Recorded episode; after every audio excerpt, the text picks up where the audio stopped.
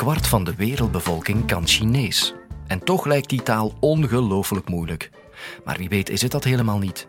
Hoe moeilijk is Chinees?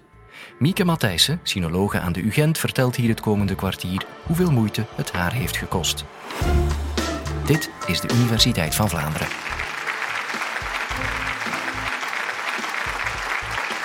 Hoe moeilijk is Chinees? Het is in ieder geval een zeer relevante vraag. Met meer dan wel 1, bijna 3 miljard sprekers is Chinees nog altijd de grootste taal in de wereld. Nu is het zo dat daar een aura rondhangt van het is onoverkomelijk moeilijk, het is eigenlijk onmogelijk om het te leren. De ene zegt de tonen moeilijk, de andere zegt de uitspraak is moeilijk. Wel, dat is, uh, ik moet eerlijk zeggen dat ik dat ook vond als ik eraan begon. Maar ik ben er toch van overtuigd dat er onder jullie mensen zijn die Chinees kunnen. Laat ons eens naar een fragment kijken.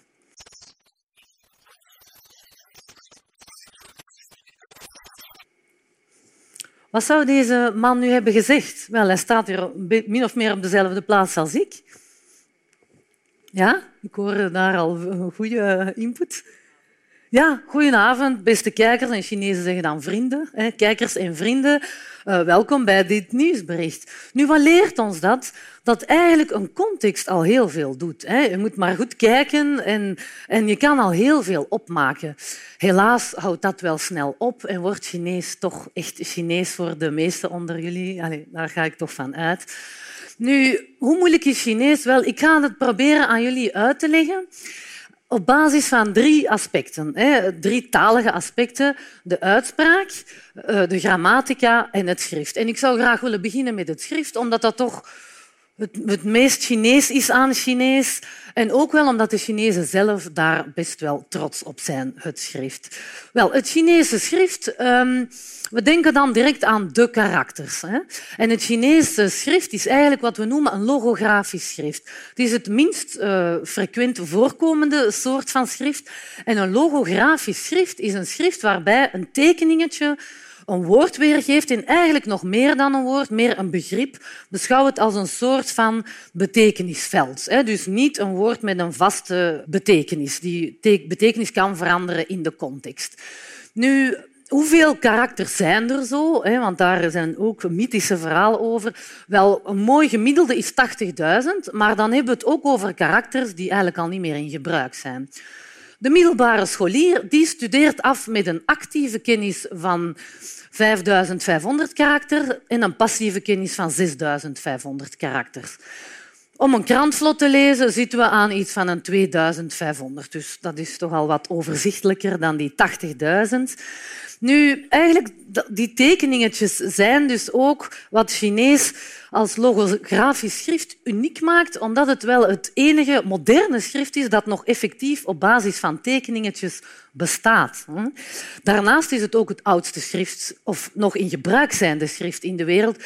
En dat eh, werkt een enorme aantrekkingskracht. Natuurlijk ook de esthetiek van de karakters eh, in de hand.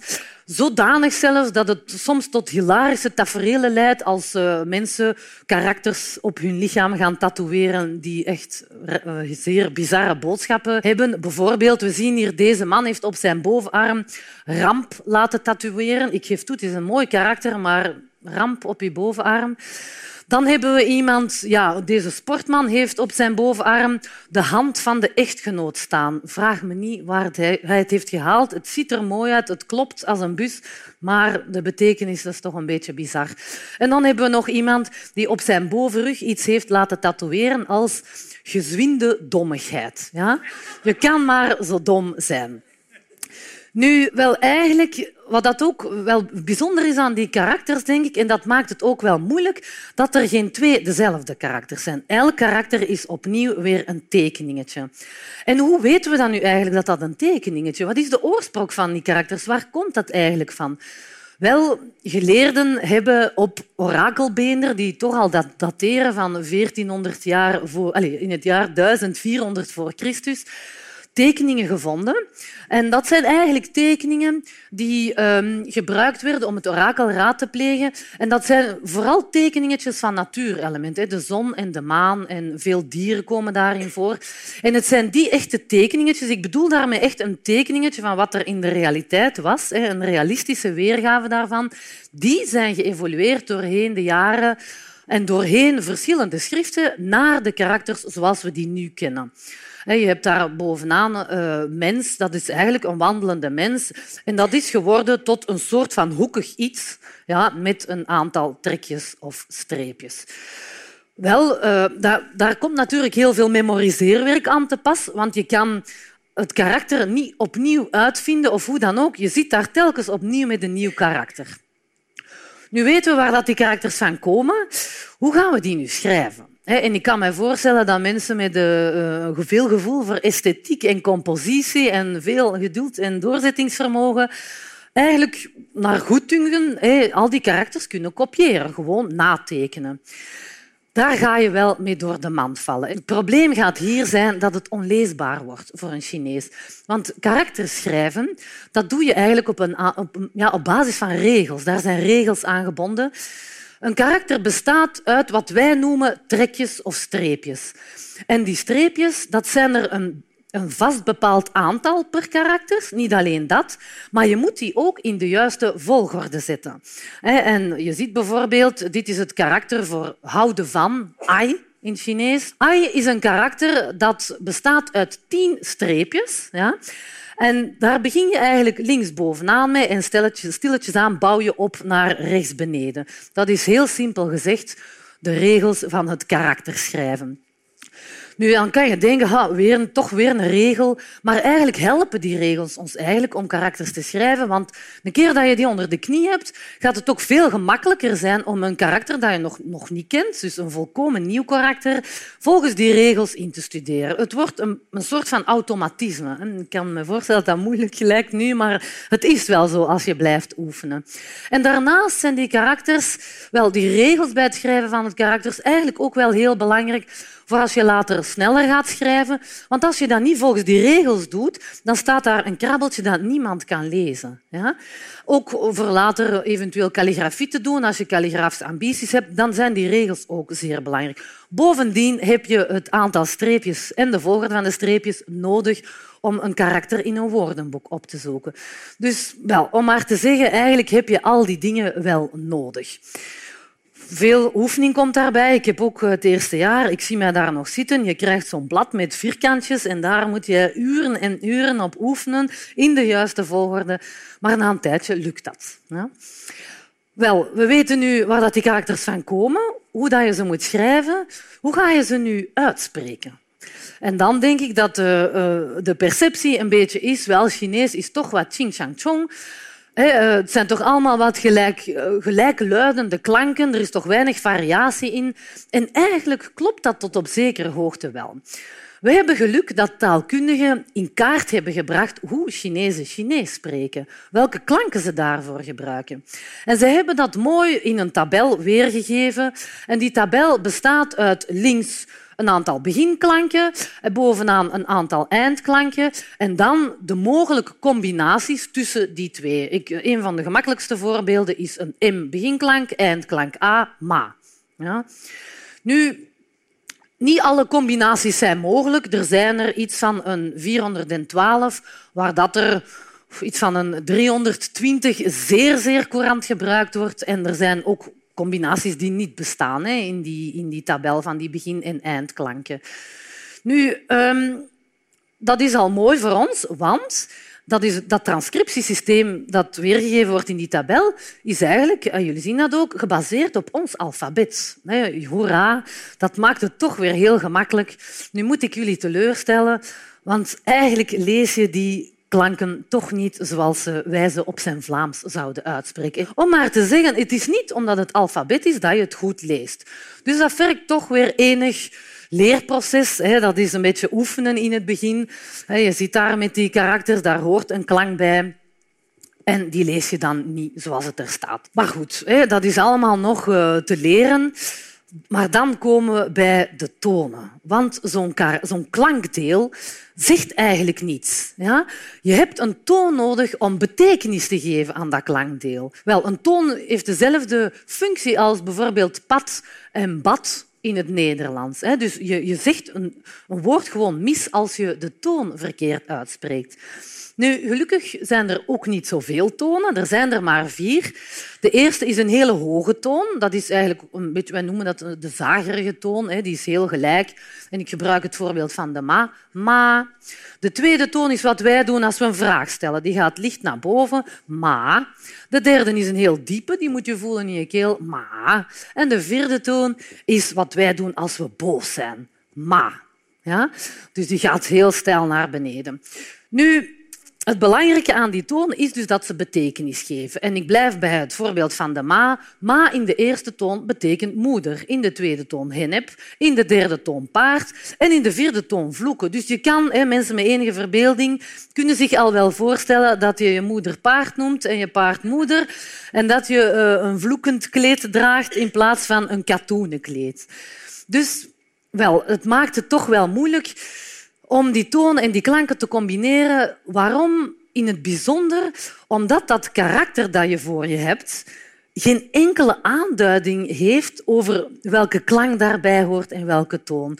Dus dat is echt zuiver memoriseerwerk. Het memoriseerwerk en eigenlijk ook onderhoudswerk achteraf. Want een keer dat je het hebt gememoriseerd, zit dat daar wel.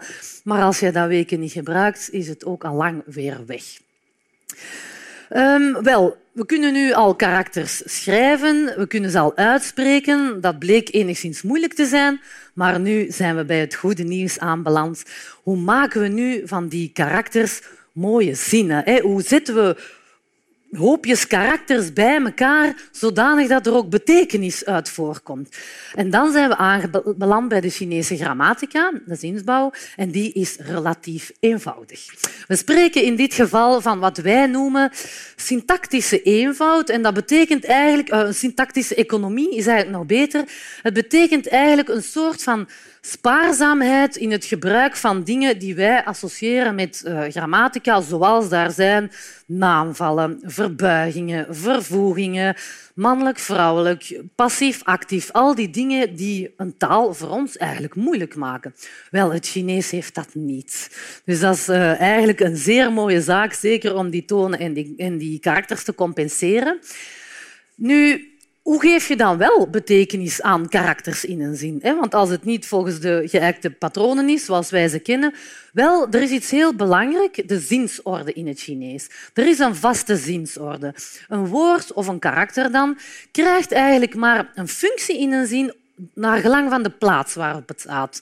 En we spreken in dit geval van een SVO-taal, een, uh, waar dat eigenlijk het onderwerp eerst staat, dan het werkwoord en dan het object. Dus als ik zeg, zij heeft heel lekkere gerechten gegeten, dan staat die zij, dat karaktertje dat zij zet eerst en dat object dat leidend voorwerp staat achteraan. En als dat niet is, is het het lekkere, het lekkere gerecht heeft haar gegeten. Ja, dus op die manier kan je heel veel betekenis geven aan die karakters, gewoon door het simpelweg op de juiste plaats in de zin te zetten. Nu zijn er nog wel een aantal andere dingen die mee een zin helpen bouwen, zoals er zijn heel kleine grammaticale partikeltjes, maar dat is eigenlijk niet de moeilijkheid. Daar, dat is in vergelijking met de moeilijkheid van het schrift en van de tonen eigenlijk al bij al nogal relatief. Wat is er nu nog van heel cruciaal belang? Dat is de context. Chinees is een buitengewoon contextuele taal. En daar bedoel ik mee dat een karakter, een woord, karakter, het is wat moeilijk, het hangt er al vanaf hoe je het bezit, eigenlijk tot op zeer grote hoogte betekenis krijgt door het in de context te beschouwen. Ik bedoel daarmee een woord dat in een bepaalde tekst wordt gebruikt door een monnik geschreven in het jaar 200, binnen zus en zo boeddhistische strekking, kan uh, eh, 200 jaar later, ook door een monnik geschreven, maar van een andere boeddhistische strekking, iets totaal anders betekenen. Ook binnen de tekst kan, kunnen woorden, karakters, andere betekenissen krijgen.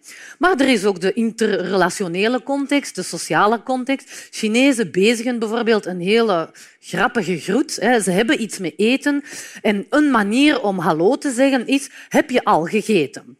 Nu, als ik in de wandelgangen op onze dienst uh, een van mijn goede collega's, Chinese collega's, tegenkomt en die zegt, ah, Mieke, heb je al gegeten? Dan zeg ik, ja, goed, en met u, hoe is het met u? dan betekent dat effectief hallo. Maar als ik in China van het vliegtuig stap en er komt mij iemand volstrekt onbekend oppikken en die vraagt aan mij, wel, heb je een goede reis gehad? Heb je al gegeten? Dan zeg ik, ja, ik heb al eten op het vliegtuig gekregen, dank u. Dus om maar te zeggen dat je eigenlijk door de context moet gaan zoeken of de betekenis letterlijk moet genomen worden of al meer naar een afgeleide betekenis gaat. En dat, daar heb je die kennis van die cultuur voor nodig.